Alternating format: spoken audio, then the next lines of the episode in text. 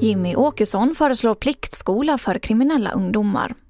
En död efter balkongbråk och ovaccinerade barn riskerar att drabbas hårt av en eventuell fjärde våg av covid-19. TV4-nyheterna börjar med att idag var det SDs Jimmy Åkessons tur att tala på Järvaveckan och han valde bland annat att ta upp det här. Vi vill införa någonting som vi kallar för pliktskola för kriminella ungdomar. Därför att skolan ska inte vara en plats för kriminella rekryteringar. Statliga pliktinternat bör införas med disciplinär pedagogisk inriktning. Skolungdomar som har dömts för brott eller som har konstaterats ha samröre med kriminella gäng och som har en kriminell livsstil bör flyttas från sin hemmiljö och från sin vanliga skola. Det är viktigt att vi drar en röd linje, att vi tydligt markerar när gränsen för vad som är acceptabelt överskriden och att vi markerar så tydligt och så tidigt som möjligt.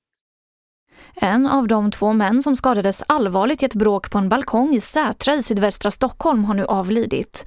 Mannen ska vara i 50-årsåldern och den andra mannen är nu misstänkt för mord.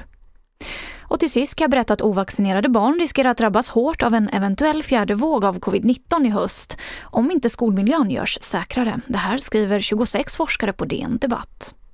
De bedömer att mellan 16 000 och 50 000 barn har drabbats av långtidscovid i Sverige och ser en risk för att den siffran ökar om inte skolorna inför striktare karantänsregler, snabbtest och utökad användning av munskydd. Men statistiken ifrågasätts av överläkare Daniel Bremell på Salgrenska universitetssjukhusets infektionsklinik som menar att ett så stort antal långtidssjuka barn skulle ha märkts av i vården.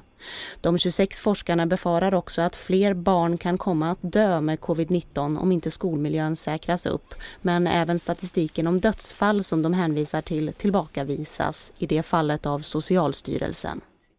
Och reporter här var Maria Snellman. Och det var det senaste från TV4 Nyheterna. Jag heter Emily Olsson.